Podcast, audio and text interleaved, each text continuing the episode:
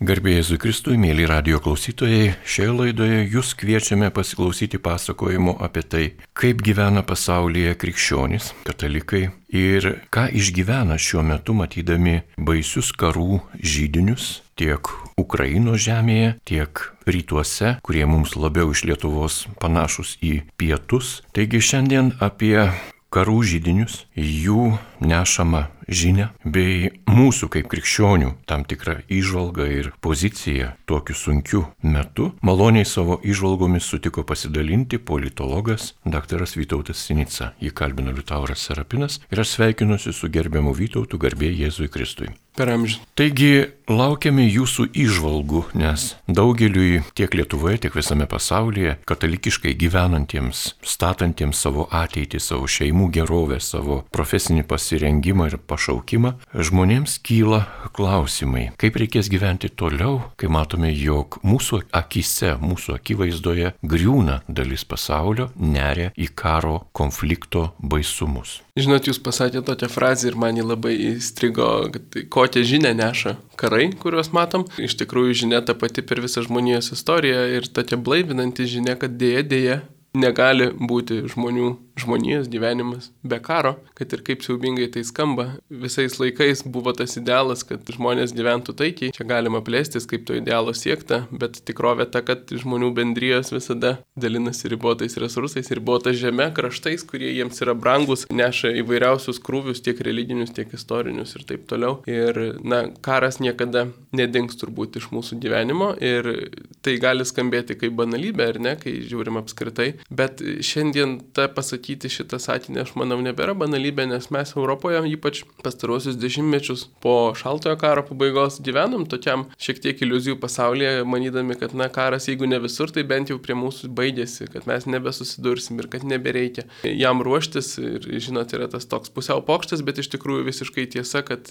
sunkus laikai ugdo stiprius žmonės, o stiprus žmonės stiprius laikus, lengvus laikus ir tada tie lengvi laikai išugdo vėl silpnus žmonės. Kažkuria prasme mes gyvenam tą laikotarpį. Kai karas Ukrainoje privertė NATO šalis mąstyti apie savo gynybos pasirengimus, apie tiek rezervą, karinės tarnybas, ginkluotę, lengviausiai atkreipti dėmesį, lengviausiai noriausiai yra kalbama visur apie ginkluotę, apie procentus, apie pinigus gynybai. Todėl, kad pinigus dalinti yra įprasta mūsų šiuolaikinėme gyvenime ir tai yra na, kažkas iš principo nelabai naujo ir, ir, ir perčiančio perlipti per tą mūsų įprastą patogų būvį. O štai ta kita dalis, kad kažkas turės, kaip ir Ukrainoje matome, eiti, mirti, ginant ginant savo kraštus, savo sienas, savo tai, kas mums brangu, vertinga, tapatybė. Visa tai yra na, daug sunkiau ištariama ir daug sunkiau prie to pereinama. Ir nežinau, viešumoje sakyčiau mažai apie tai kalbėta, bet kai kalbėsiu būtent tą bendruomenę kariškių, gynybos saugumo specialistų, tai yra labai daug nerimo dėl to, kiek Europos kariuomenės, didžiosios kariuomenės dar apskritai yra tikrai ta žodžio prasme kariuomenės, kiek žmonės ten pasiruošia ir nori, na, nori čia netinka ta žodis, bet, na, gali, gali iš tikrųjų kariauti ir suvokti tą karo realybę. Lietuvai tai yra labai aktualu, aš nenoriu nieko labai gazdinti, nes šiaip ar taip didžioji grėsmė Lietuvai, Rusijos grėsmė užstrigo Ukrainoje ir čia makabriška frazė, bet galim Dievui už tai dėkoti, mums padovanojo laiko, mes buvom absoliučiai nepasiruošę jokiai gynybai, jeigu tas pulimas būtų buvęs prieš mus. Baisu yra tai, kad nors daug labai kalbame, mes vis dar esame nepasiruošę tai gynybai ir kartais atrodo, kad nelabai ir ruošiamės, nes vėlgi tik tai tie pinigų stumdymai vyksta ir tai ne visada racionaliai. Taigi tas žadinantis skambutis turėtų būti karo žinia. Karo žinia pasauliui turėtų būti, kad pasaulis niekada turbūt neišsivaduos iš karo ir kad mes savo meluojam, kai galvojam, kad yra įmanomas kažkoks kitas gyvenimas, kuriame jam visiškai nereiktų ruoštis. Susiję, jeigu čia dar galiu truputį išsiplėsti, susiję su viena baisia utopinė ambicija, kuri būdinga irgi visai žmonijos istorijai, kad yra įmanoma sukurti kažkokius imperinius darinius, kurie iš karo žmoniją išgelbėtų. Visais laikais iki 20-ojo amžiaus tai būdavo užkariavimo būdu imperija užkariaudavo, ar tai būtų senovės pasaulis, ar Roma, ar vėliau Napoleonas, kas tik nori. 20-ame amžiuje Hitleris Stalinas, visa tai buvo visada ambicija, kad suvienysi pasaulį ir tada karų nebebus, nes jie žmonės gyvens vienoje valdžioje. Filosofai tuo pačiu metu, kai va čia išvardinti dažniausiai mūsų bloguoju prisimenami politiniai veikėjai, bandė tą padaryti ginklų, filosofai tą rašė raštu ir kūrė idėjas apie tai, kaip bus vieningas pasaulis, suvienytas vienoje ar kitoje federacijoje, imperijoje, dar kažkur. Bet taip neveikia. Tai yra utopinis mąstymas ir gal dabar čia daug kitą temą plėstis nenorėčiau, bet mums reikėtų, stebint pasaulį ir bandant e, išlaikyti tvirtą ryšį su tikrove, ne, nepasiduoti šitai utopiniai ambicijai, kad yra įmanomas pasaulis be sienų, be šalių, be tautų, kuriame visi gyvena kaip kažkokiam žemiškam rojui. Rojus laukia tik anapus. Mėly radio klausytojai, šiandien su jumis politologas Vytautas Sinica, jį kalbina Liutauras Serapinas ir kalbame apie karo žydinius, apie jų reikšmę mums, krikščionims, katalikams ir kaip tą turėtume priimti arba suprasti. Ir be emocijų, žinoma, kalbėti yra sunku, bet protas kartais kalba visai ką kitą negu emocijos. Ir šiuo metu, kai kalbame apie žūstančius žmonės Palestinos žemėje, daugam kyla klausimų. Kaip jūs, Vytautai, žiūrite į tai, kas vyksta šiuo metu artimuosiuose rytuose? Na, iš tikrųjų, aš ir čia eidamas suvokiu, kokia yra jautri šita tema ir kaip sunku tai, ką jūs įvardėjote, atsijėti nuo emocijų ir kalbėti dalykiškai. Vis dėlto mums reikėtų pabandyti tą padaryti. Aš manau, kad mes turim savo pripažinti, kad e, šitame konflikte, kaip ir faktiškai visuose konfliktuose, abi pusės daro labai žiaurius dalykus, daro nusikaltimus. E, turiu galvoje ne šitas kelias dienas, o dešimtmečius. Daugybė nekaltų žmonių žuvo nebūtinai sąmoningai kažkam kažką tai norint nužudyti civilius, nors dažnai, kaip matėm spalio 7 dieną ir sąmoningai, bet tiesiog tokia yra realybė įtemptame konflikte, kuriame viena pusė, ir čia reikia pripažinti, kad Hamas pusė yra na, teroristai, o ne šiaip kariaujanti valstybė, kurioje, kadangi Hamas yra teroristai, tai jie siekia, sąmoningai siekia taikosi kaip į taikinį į civilius gyventojus tam, kad tie civiliai gyventojai na, gyventų siaube. Nelabai yra įmanoma tokioje įtampoje išlaikyti kažkokį orų teisingo karo lygį. Ir na, ta situacija, kurioje dabar tas kontekstas, kuriame šitas karas vyksta, jisai programuoja, aš manau, to karo žiaurumus. Ką turiu ypatingai galvoje, dabar mes visi matom tuos siaubingus vaizdus, kai Izraelis bombarduoja Gazą ir ten žūsta daugybė civilių gyventojų. Didysis klausimas, kurį turi atsakyti kažkokiu būdu Izraelis ir kurį apsimeta, kad nemato to klausimo, aš manau, vakarų pasaulis, demokratinės šalis, mes visi, kurie baisimės to procesu, yra ką daryti, kai tavo priešas slepiasi už civilių gyventojų. Nes reikia suprasti tą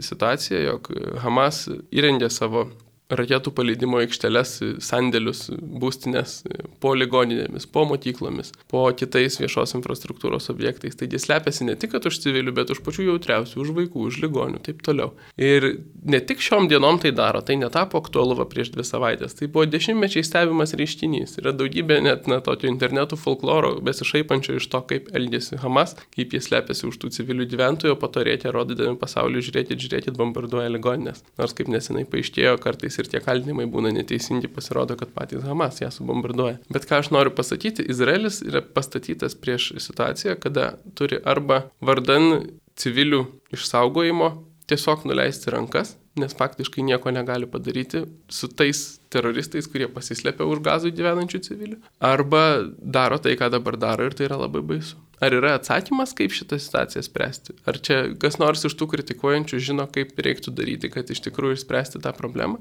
Dievo žinia žinau. Bet ką aš noriu, kelis dalykus norėtųsi pabrėžti. Vienas dalykas tai, kad nežiaurumai, nors žiaurumai ir aukos, kurias atneša karas, labiausiai mus dirgina, jaudina ir, ir norisi pirmiausiai tai reaguoti, kaip tik ne pagal tai reikėtų vertinti, ieškoti kažkokios teisiosios pusės. Nes visi konfliktai turi šitą bruožą. Mes dažniausiai net nekalbam, šiuo metu pasaulyje vyksta daugybė konfliktų vienais metais, kitais metais, kur žūsta tūkstančiai žmonių ir niekas apie tai nekalba. Ir tai nėra gerai, kad mes nesame tokie jau jautrus viso pasaulio konfliktams, bet tiesiog reikia save pagauti, kad žmogus, na, yra selektyviai jautrus. Mes nepastebime labai dažnai to, kas yra, na, dėje, bet žiaurumas, ypač trečiojo pasaulio Afrikos, Azijos šalyse, savotiška norma žiaurumas kasdienybėje, persekiojami krikščionys, musulmonai, kitų, šiuo atveju, tarkim, žydai, įvairiausių religijų žmonės. Ir tai niekuo neišsiskiria ir šiuo atveju. Galbūt šiandien išsiskiria mastu, bet iš principo žmonių žūtis negali būti argumentų sprendžiant, kas yra teisų šitoje situacijoje. Reikia žiūrėti vis dėlto istoriją, nežinau, jeigu norėsit, mes galėsim pažiūrėti istoriją, bet tik ten galima ieškoti atsakymo, kas vis dėlto teisų šitame ginčia. O kitas dalykas, ką norėtųsi paliesti, tai yra paprasti žmonės, įvairių religijų ir čia, kadangi kalbam Marijos radijoje, tai krikščionys. Ir reiktų pastebėti, nes taip dažniausiai kalbam tarsi apie musulmonišką šalį prieš judėjišką šalį, bet ten gyvena ir krikščionių bendruomenės, labai istoriškos, ta prasme labai senos krikščionių bendruomenės. Ir jos irgi yra tarptų gyvųjų skydų, nes, kaip sakyčiau, visi civiliai gazoje yra Hamas gyvasis skydas. Hamas slepiasi už tų žmonių. Aš buvau vienas tų sauliaidusių viešumoje akcentuoti, kad dėja, dėja, bet apie pusę žmonių Palestinoje apskritai, tai čia skaičiuojant ir Gazą, ir vakarų krantą, yra palaikantis Hamas ir palaikantis teroro aktus, kas yra, manau, baisu, bet, na, kaip tu atsirinksi, yra pusė žmonių, kurie nepalaiko ar ne, ir tie žmonės irgi ten yra, ir už jų irgi slepiasi, ir jie irgi yra tiesiog aukos šitos situacijos. Ir ką norisi akcentuoti, aukos, apie jas, sakyčiau, yra nedaug kalbama ir bažnyčios pusė, jeigu čia galima na nežinau, aš nenoriu kritikuoti šiuo atveju bažnyčios, bet gal padrasinti, paskatinti kažkokiam žodžiui. Nėra, aš bent jau negirdėjau iš jokio likmens bažnyčios atstovų kažkokios atskiros kalbos apie krikščionis, kurie ten žūsta, o jie irgi žūsta. Tai nėra toks pirmas kartas. Man buvo labai įstrigę, kai prieš dešimtmetį buvo migracijos banga iš ypatingai Sirijos, kai ten vyko karo veiksmai sukelti ISIS veiklos. To krašto krikščionių patriarchai, bijau supainioti ten tas konfesinės tikslius terminus, bet to krašto patriarchai kartojo ir tai labai mažai skambėjo lietuviškai žiniasklaidai, man regis tai nepasiekė, angliškai žiniasklaidai buvo galima perskaityti. Sako, mes nenorim būti pabėgėliais. Jeigu pasaulis nori mums padėti, mes nenorim būti pabėgėliais, nes žinot, tada buvo labai skambi žinia, kad čia reikia Europai priimti pabėgėlius. Mes norim taikos čia, mes norim gyventi savo namuose. Jeigu jūs norit prisidėti prie sprendimo artimųjų rytų problemų, ieškokit, ieškokit sprendimų, kaip pasiekti taiką čia, nes mes negalim gyventi amžinai kare ir mes nenorim būti pabėgusiais ir be namų žmonėmis kažkur svetimoje, nesvarbu Vokietijoje, Švedijoje ar dar kur nors. Tai buvo, sakyčiau, na, visapusiškai labai stipri žinia ir ne vieno tikrai aukšto dvasininko išsakyta, bet man atrodo iki šiol to nėra išgirsta pasaulio bendruomenė. Taip, tema iš tikrųjų, gerbiamas Vytautai, kurią šiandien turime apžvelgti klausytojui, yra jau paliesta įvairiais kampais įvairioje žiniasklaidoje - televizijos, radijos stotis. Apie tai nuolat kalba, kasdieną kalba. Bet yra tam tikrų klausimų, apie kuriuos jūs irgi dabar va, bandote užsiminti, kurie yra nutilimi. Tai yra būtent krikščionių padėtis tuose kariaujančiose zonose, karo zonose. Ir krikščionis ten turi irgi tam tikrą motivaciją gyventi, tęsti savo gyvenimą ir būti. Ir tas buvimas krikščionio nėra toks pasyvus. Savaime aišku, jog krikščionybė Izraelyje yra gyva. Be jokios abejonės krikščionybė ir gazos tame žemės lopinėlyje taip pat yra gyva šiandieną. Kaip mums išvengti tarp religinio konflikto, kai matome, jog jau yra atviras fizinis konfliktas? Retai tai pasakau, bet jūs uždavėt per sunkų klausimą. Aš neturiu atsakymo į tokį klausimą. Man reikia žmonė neturi atsakymo iš tą klausimą, nes šimtmečiais jo ieško. Tarp religinio konflikto išvengti kiekvienoje konkrečioje situacijoje vis kitos aplinkybės. Kartais žmonių pavyzdys, tam tikras darybių parodimas ar, ar suvokimas, empatija kartais leidžia, bet vienos formulės, kurią būtų galima pasiūlyti, o juo labiau čia šitoje situacijoje, aš nežinau. Nežinau. Man norėtųsi galbūt, kadangi jūs sakote, yra žiniasklaidoje nuolatinis srautas, kalbėjimo apie tai ir tarsi daug kas paliesta, bet mes vis kalbame apie tai, kas čia vyksta, kasdieniai įvykiai, raketų smūgiai ir taip toliau. O to tokio žvilgsnio, gal principinio iš šito konflikto šerdį, aš bent jau lietuviškoje žiniasklaidoje nemačiau. O situacija yra labai įdomi. Turbūt, kas giliau susimastė, tai atkreipė dėmesį į paradoksą. Vakarų visuomenėse, o ir Lietuvoje, labai dažnai e, Palestiną palaiko, pavadinkim, kairė. Žmonės, kurie yra iš esmės, na, prieš tą nacionalinę valstybę, nacionalizmą, tautų apsisprendimą ir mano, kad reikia judėti link kažkokių tai federacijų, kosmopolitizmo ir taip toliau. Kas yra gan keista, nes tarsi atrodo, čia vyksta dviejų tautų kova už teisę apsispręsti ir turėti savo valstybės, ar ne, žydų ir palestiniečių. Kodėlgi jie juos palaiko, nors patys yra tarytum prieš tą principą. Paradoksas kyla iš to, kad iš tikrųjų vis dėlto čia nėra dviejų tautų kova už apsisprendimą. Ir aš suprantu, kad tai yra gan, kaip čia pasakius, skandalingas teiginys, bet pasistengsiu paaiškinti. Arabų pasaulyje tas modernusis nacionalizmas, taip kaip kad vakaruose, Europoje, krikščioniškoje civilizacijoje niekada šaknų neįleido, neleido ir nebuvo suprastas. arabų pasaulyje religinė tapatybė reiškia visko, o tautinė tapatybė beveik nieko, kad ir kaip tai skamba. Ir praktikoje per visą 20 amžių e, arabų pasaulyje tas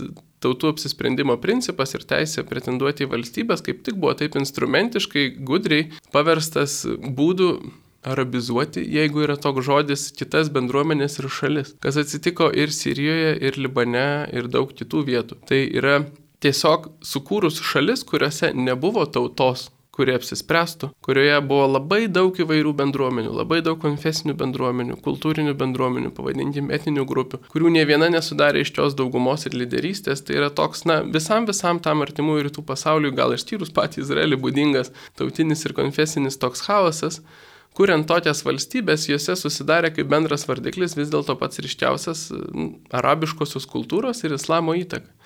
Ir nors va, tokios šalis kaip Sirija ir Libanas yra daugia tautės, daugia religinės ir daugia kultūrės, sukūrus jas kaip nacionalinės valstybės, juose santykinai pradėjo aukti arabiškojo kultūros ir islamo įtaką. Ir tai yra, na, bendras dėsnis visame tame regione. Tai arabizmas, jeigu taip jau tiksliau, būtų tas dėsnis, kas vyksta e, prisidengiant tautų apsisprendimo teise. Ir konkrečiai dėl palestiniečių, palestiniečiai kaip tauta nesireiškė ir nesiekė valstybingumo niekada, kol neįvyko Izraelio ateimas į šitą kraštą.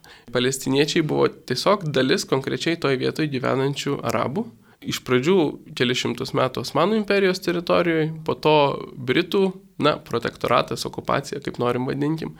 Ir Osmanų imperijos teritorijoje 1831 metais berots buvo sukilimas Egipto kaip po arabų lyderio prieš Osmanų imperiją bandant išsivaduoti, bet palestiniečiai tame dalyvavo, bet nesiekdami atskiro palestiniečių valstybingumo, o palaikydami Egiptą. Po to 1915 metais buvo arabų revoliucija, ar kaip čia tą vadinti, jau prieš Britus, ar tiksliau su, su Britų pagalba prieš tos pačius Osmanus, bet vėlgi tikintis ne Palestinos valstybės sukūrimo, nei žodžio apie tai nebuvo, o tikintis Sirijos karalystės ir kitų didesnių valstybių. Niekada, arba aš galbūt stokoju kokiu nors žinių, bet kiek domėjausi šią temą, niekada palestiniečiai kaip tauta neturėjo aspiracijų į valstybingumą, kol nebuvo suteiktas mandatas jungtinių tautų sukurti toje vietoje žydų valstybę. Ir kai atsirado realybė, jog čia atsiras žydų valstybė, tada atsirado ir intencija, kad nori būti palestiniečių valstybė, kuri, na, čia gal net būtų galima nukalti tokią frazę, palestiniečių valstybės poreikis egzistuoja tik todėl, kad jokia kita gretima e, musulmoniška valstybė jų neprisėmė kaip savo dalies. Nes tapatumo pagrindo, savitumo kažkokio, ar nuo Egipto, ar nuo Jordanijos, ar nuo to paties Libano, esminio nėra. Yra tiesiog priešiškumu žydų valstybei pagrista, na jau dabar politinė, nebe tik tautinė tapatybė. Ir šitoje situacijoje va, tas ir susiduria. Susiduria viena vertus e, pokolonijinis tam tikras tapatumas, mąstymas, čia jau iš vakarų taško žiūrint, iš šiuolaikinių postmodernių žmonių, tokių progresyvesnių už mus čia Marijos radijo esančius, mąstymas, jog visi, visi trečiojo pasaulio šalių žmonės yra na, kažkuo vargšai, nuskriausti istoriškai ir jų, jų godos visada yra labiau vertos dėmesio ir atgailos. O tuo tarpu Izraelis Izraelis priešingai jis išsišoka vėlgi prieš visas šio laikinės vakarų ideologinės tendencijas. Šio laikinė vakarų ideologinė tendencija yra, kad reikia peržengti nacionalinės valstybės, kad nacionalinės valstybės yra atgyvena, kad jos yra konfliktų šaltinis ir kad jos turėtų nykti. Šito mąstymo, na, toks kertinis lūžis, labai jį sustiprinęs buvo be abejo nacizmas ir antras pasaulinis karas, holokaustas. Nes buvo plačiai priimta, kad tai, ką darė Hitleris, tarsi buvo, na, nacionalizmo perlenkimas, nacionalizmo išsivystimas į savo makabrišką baisę formą.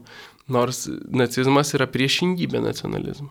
Nacionalizmo idėja yra, kad kiekviena tauta gali turėti savo valstybę, jeigu to siekia, ir visos tautos šią prasme yra lygios, nes tas valstybės turėti gali. Nacizmo idėja yra, kad tautos yra absoliučiai nelygios hierarchiškos, vienos vertesnės egzistuoti, o kitos visiškai nevertos ir visai nėra jokios teisės visoms turėti valstybės, priešingai tos pranašesnės tautos, kurių viršuje be abejo arijai, gali ir turi su, suvalgyti, net ir fiziškai išnaikinti kitas, kovodamos dėl savo, kaip ten jie vadino, gyvenamosios erdvės. Tai šitos dvi logikos, nors visiškai iš tikrųjų nesusijusios ir apie tai yra pakankamai daug aukščiausių lygio literatūros, aš rekomenduočiau, kam įdomiau, Hanna Arendt, totalitarizmo ištakos, fantastinė knyga, kuri tai paaiškina, bet vis dėlto nusėdo visuomenėse tas toks mąstymas, kad va, nacizmas tai buvo nacionalizmo tokia jau radikali raiška.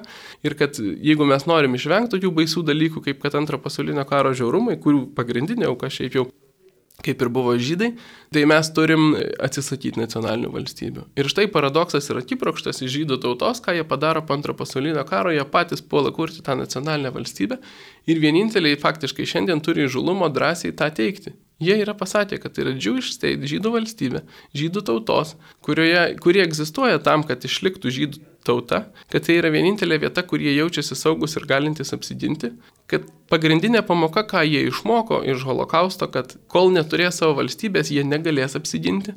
Jokios kitos valstybės, kuriuose jie gyvens ir bus piliečiai, nesvarbu segreguoti ar nesegreguoti, jų neapgins kad jie turi apsiginti patys ir kad tam jiems reikia valstybės. Šiandieniniam tam kairiajam mąstymui tai yra absoliutus akibrokštas. Taigi iš vienos pusės mes turim Izraelį, kuris e, elgesi ne pagal laikmečio taisyklės ir reikalavimus ir drįsta e, būti nacionalinė valstybė. Iš kitos pusės mes turim tarytum tautinę pretenziją palestiniečių į savo tautinę valstybę, Bet kai pasižiūri istoriją ir pasigilini, tai ten tos tautinės pretenzijos nebuvo niekada, kol neatsirado Izraelis. Ir visa jos, na, negali sakyti galbūt visa, bet pagrindinė motivacija ir tapatumo pagrindas yra tiesiog oponavimas Izraelio egzistavimui. Nes, ir aš čia užbaigsiu šitą savo ilgesnį monologą, už kurį atsiprašau, e, nes e, šiaip ar taip vis dar reikia turėti galvoje, kai kūrėsi Izraelis, buvo pasiūlyta dviejų valstybių sprendimas - sienos dviem valstybėm. Tai nebuvo tobula, toli gražu, tai buvo su problemomis tiek ir arabams, tiek ir žydams, bet tai buvo nepalyginamai geriau arabams, negu kad jie turi šiandien. Ir būtent arabai nesutiko su tuo sprendimu. Ir nuo tada, kai nesutiko, kiekvieną kartą, kai kildavo karai ir juos sukeldavo, tiesą sakant, beveik visada arabai, tos jėgų santykis ir teritorijų santykis jiems tik blogėdavo. Kiekvieną kartą Izraelis laimėdavo, apsigindavo ir padidindavo savo dalį. Tai jeigu mes laikytume, kad abi šitos tautos turėjo teisę į valstybę ir apsisprendimą toje teritorijoje, Tai geriausias, taikiausias sprendimas būtų buvęs priimti tą pirminį 47 metų variantą, kuriame buvo numatytos dvi šalis. Taip neįvyko, ir neįvyko todėl, kad e, principinė palestiniečių laikysena yra, kad Izraelio iš vis negali būti.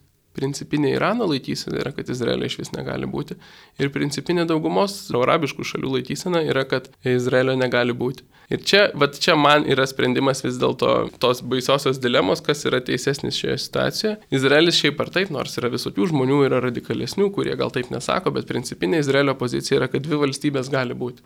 Jie elgesi žiauriai su savo kaimynais, taip, nes tie kaimynai ir su jais žiauriai elgesi, yra nuolatinė įtampa, nuolatiniai puldinėjimai gatvės ir taip toliau. Ir ten tikrai mes kasdien rastume vis naujų ir naujų pasipiktinimą keliančių įvykių, bet principinė pozicija Izraelio yra, kad dvi valstybės gali būti principinė pozicija kitos pusės yra, kad Izraelio būti negali.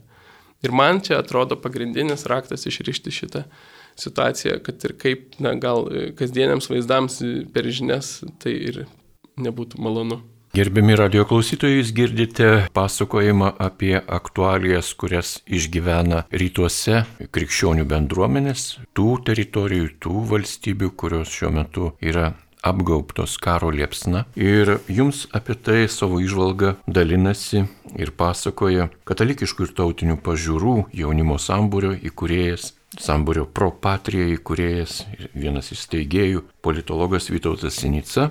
Ir jį kalbina Liutauras Serapinas, užduodamas dar vieną klausimą. Mes krikščionys esame ženklų žmonės. Tam tikri ženklai arba simboliai, išvalgos, pranašystės mums rodo tam tikrą kelią. Ir šiandien Lietuvos istorijoje matome labai daug tikrai netikėtų ženklų. Vis daugiau atrandame Lietuvos laisvės kovos sąjūdžio partizanų kūnų. Taip, tai yra lik ir, galima sakyti, normalaus gyvenimo įvykiai, atrasti kūną, kurį Rusijos okupantai, sakykime, nužudė karo vadą prieš 77 metus ir po 77 metų mes sugebame rasti tą kūną ir garbingai palaidoti. Ne viskas čia tvarkoju, bet kaip ženklas yra labai įspūdingas. Galime kalbėti apie pulkininko Juozo Vitkaus Kazimiraičio laidotuvės, galime kalbėti apie generolo Adolfo Romanausko Vanago laidotuvės, galime kalbėti apie Antano Kraujelio, galbūt kalbėsime ir apie Juozo Lukšos Daumanto. Ir tie ženklai mums kažką reiškia, jie atneša tam tikrą informaciją. Kokį ženklą mes turėtume matyti dabartinėje ukrainiečių ir rusų kovoje? Kokį ženklą turėtume dabar matyti Izraelio valstybės kovoje su teroristiškai nusiteikusiais asmenimis, kuriuos sudaro daugybė valstybių. Kokį ženklą turėtume matyti visuomenių arba politikų arba valstybių vadovų reagavimo į šituos įvykius pasiekoje? Turbūt ženklai skirtingi. Mes e, viena vertus sunkiausia turbūt yra išgrininti žinę to, kaip Lietuvai sekasi, turbūt aš manau, čia yra Dievo pagalbos tame su savo didvyriu paieškomis. Iš tikrųjų, viena vertus tos paieškos suintensyvėjo ir, na, kas, kas tengiasi tam ir Dievas padeda, bet padeda labai, reikia pasakyti, kad mes vis tiek tame yra daug sėkmės, kai tu pasigilini tas istorijas, aš šiek tiek gilinausi, kaip yra surandami tie laisvės kovų dalyvių kankinių palaikai, tai yra, na, gali metų metus ieškoti čia pat per kelis metrus ir neteisingai kryptimi pasutės nueiti klystkeliais ir niekada nerasti. Bet pavyksta galų gale per atsitiktinumus, per žmonės, kurie niekas jų nesiuošia klausti, bet jie ateina, pasako, kad kažkada kažką matė ir mano, kad reikia kasti čia ir pavyksta. Aš manau, kad Lietuvai, pirmiausia, lietuviams kaip tautai, tai yra dovana, tam tikras įkvėpimas, priminimas. Aš manau, kiekvienos tos laidotuvės mano dideliam džiaugsmui ir šiek tiek nustebimui, kaip pavyzdžiui, LRT vis dėlto skiria pusdienį ir transliuoja tas, tarkim, Juozo Vitkaus Kazimiraičio. Laidotuvės tai yra tam tikras įkvėpimas ir teisingų idealų pabudinimas visuomenėje. Gal nedideliu mastu, gal ne tiek, kiek norėtųsi, bet tai yra tikrai teigiamas impulsas. Ir tada, kai žiūri į tai, kokias vis dėlto žinutės siunčia vykstantis karai ir reakcijos politikų įvairios visame pasaulyje, Aš sakyčiau, ką karai siunčia, tai tau pradžioje aptarėme. Karai siunčia žinia, kad reikia būti pasiruošus gintis, kad karai visada gali ateiti, kad ginti savo šalį aplinkybės gali skirtis, gali būti vieni silpnesni, stipresni, priešai gali veikti skirtingai, bet pats principas - žmonės yra pasiruošę mirti už savo šalį, mirti ją gindami. Man yra šiek tiek nejauku, kada, pavyzdžiui, Vilniaus, Vilniaus miesto savivaldybėje vasarą, kai vyko NATO viršūnių susitikimas, buvo primta rezoliucija palaikanti Ukrainą, viskas ten kaip ir gerai, bet pirmas sakinys buvo apie tai, kad Ukrainoje žmonės žūsta už žmogaus teises, demokratinės vertybės, europinį kažką ten ne už tai žūsta, ne už tai žūsta žmonės Ukrainai. Žmonės Ukrainai žūsta už savo žemę, už savo brolius, už, už tai, kas jiems yra brangu ir apčiuopiama už tuos tokius, na, pirmykščius, galima sakyti, dalykus, kurių mes, mes tai dar galime suprasti, bet daug kas vakaruose net nebelabai supranta, kai turbūt kokiam internete, tarkim, YouTube platformoje yra transliuojamas video turintis milijonus peržiūrų, kaip vyresnio amžiaus moteris žurnalistams sako, paėmusi savoje žemės, iškėlusi į viršų ir paleidusi tarp pirštų tą žemę birėti, sako, va, dėl šitos žemės mes čia kovojam ir mes čia numirsim, jeigu reikės, nes tai yra prasme ir tikslas, aš nežinau, ar belgas, pavyzdžiui, supranta. Nežinau, gal, gal kažkurie. Tai šitas suvokimas, mums dar nevėlu tą suvokimą pasižadinti ir mums reikėtų jį žadinti. Žydams nereikėjo žadinti, jie tą suvokimą turi, jiems solidarumas tiek, tiek dėl žemės, tiek dėl savo žuvusių tautiečių yra labai, labai ryškus, didelis ir jie pasiruošę toli nueiti ir, na, be skrupulų eiti tam, kad tą solidarumą įrodytų ir apgintų. Aš manau, kad gal aktualiausia žinia žiūrint į politikų reakcijas yra tai, kad panašu, jog net vakarų politikai suprato, ką įsileido. Bus labai nekorektiška, bet aš turiu tai pasakyti. Europa dešimtmečius, dešimtmečius leido į savo šalis priešiškai nusteikusius, priešiškai mūsų civilizacijai, mūsų religijai, krikščionybei, tiek jos dar vis dėlto yra Europoje, bet patiems vakarams kaip tokiems, kaip kažkokie įdai ir blogiui į juos žiūrinčius, islamo pasaulio atstovus. Dalis jų iš tikrųjų bėgo nuo karo žiaurumų, kaip tarkim iš Sirijos, didesnė dalis vis dėlto nebėgo nuo karo žiaurumų, bėgo tiesiog nuo skurdesnio gyvenimo į sotesnį gyvenimą, nes tu nebėgi per visą pasaulį Vokietiją arba Švediją tiesiog nuo karo, daug kur yra arčiau ir saugiau pasislėpti. Bet jeigu jau atbėgi į Vokietiją, dažniausiai atbėgi būtent tos žadėtosios Merkel gerovės pasimti. Mes labai ramiai tą žiūrėjom, nematėme jokių saugumo problemų, reikia pasakyti ir aš čia savo ir leisiu priminti, kad buvau vienas tų nedaugelio gal balsų, kurie ir prieš dešimtmetį sakė, kad negalima to daryti, tai yra nesaugu, tai yra didžiulės grėsmės. Ir kas dabar atsitiko šito Izraelio ir Palestinos konflikto kontekste, visur vakaruose vyksta masiniai protestai ar demonstracijos palaikančios Hamas. Ir čia reikia pabrėžti, ne dabar, kai, kai vyksta tie bombardavimai ir žūsta tūkstančiai žmonių Palestinoje, bet jau pirmą dieną po tų Hamas teroro išpolių Izraelyje išėjo palaikyti tūkstančiai įvairiose vakarų miestuose - Berlyne, Paryžiuje, kitur.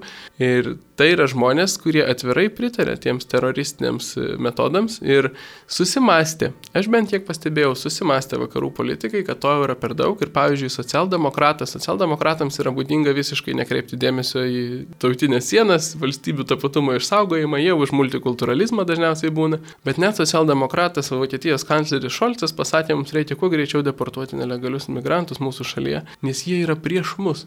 Jie yra prieš tai, kuo mes tikim ir kas mes esame. Reikia sutikti, čia man nemalonu tai sakyti, reikia sutikti, kai kuriais atvejais tai, kas mes esame, yra toli gražu nekrikščioniška moralė ir civilizacija. Tarkim, Olandų tapatumo išsaugojimas šiai dienai yra, na, toks, toks liberalus, kad aš ir pats jį žiūriu tą olandišką tapatumą ir jų vertybės taip, na, mm, jiems yra kuo susirūpinti ir, ir nuo kokių dvasinių lygų gydytis. Bet tą išsaugoti irgi jiems yra vertybė, nes kas yra silpna civilizacija, O mes šiandien tampame silpna civilizacija. Civilizacija, kuri nelabai nori išlikti. Išlikti tiek fizinė prasme, demografiškai, tiek ir, na, nežinau, dvasinė, kultūrinė prasme. Tai yra turėti savo savitą gyvenimą, savitas normas, elgesio normas, papročius, kalbą, taip toliau.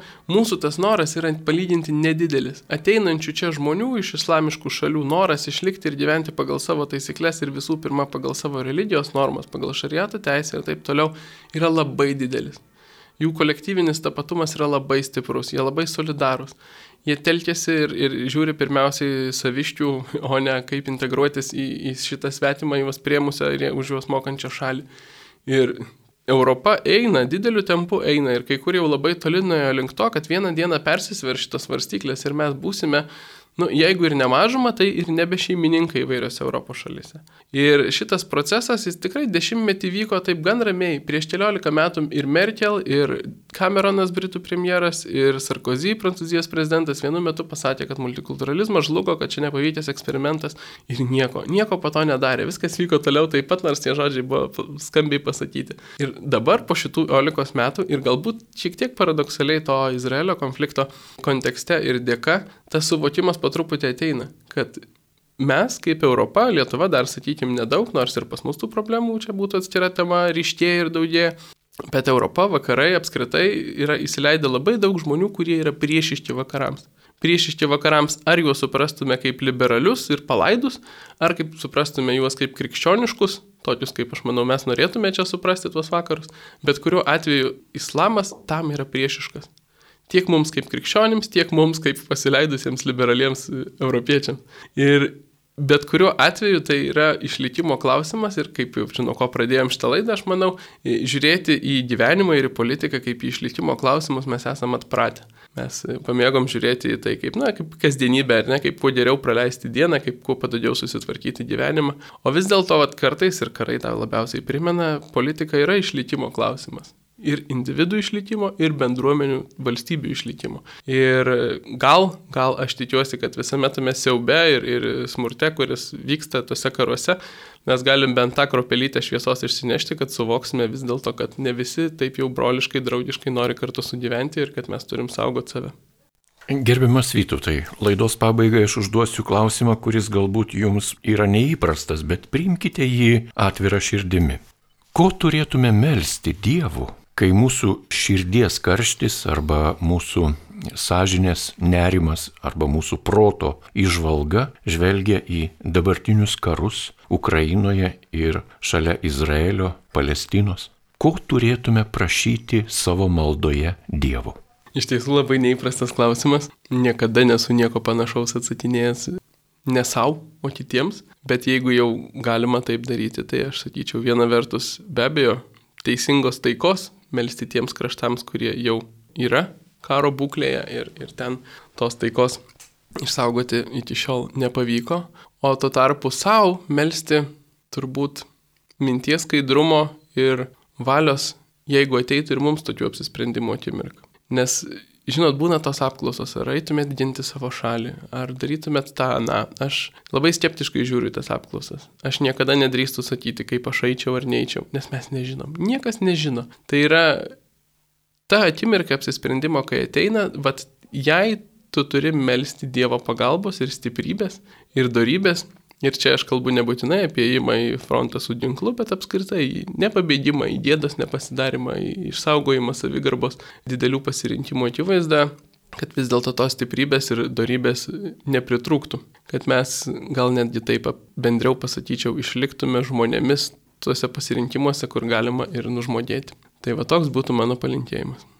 Dėkojame Jums gerbiamas Vytautai už pasidalinimą tikrai aktualiu metu, kai daugeliu žmonių, kas jie bebūtų, kokio tikėjimo, kokio išpažinimo, kokios tautybės ar rasės, tikrai sopa širdie yra neramu dėl to, kaip toliau vystysis karai, ar jie palies asmeniškai mane, ar jie palies mano kaimyną, o gal pavyks išvengti, o gal kažkur pabėgti galima, o gal galima pasislėpti, gal galima dar kaip nors. Ir į visą tai jūs proto akimis pažvelgėte ir priminėte kai kuriuos istorinius šių konfliktų ypatumus, kurie yra dažnai nutilimi. Tai dėkojame Jums už šią laidą. Linkime jums sveikatos stiprybės, linkime, kad neužmirštumėte kelio į Marijos radio studiją Vilniuje šalia Aušros vartų. Taigi šiandien su jumis buvo Propatrija vienas iš kuriejų, politologas Vytautas Sinica. Jį kalbino Liutauras Serapinas linkėdamas jums toliau likti su Marijos radiju.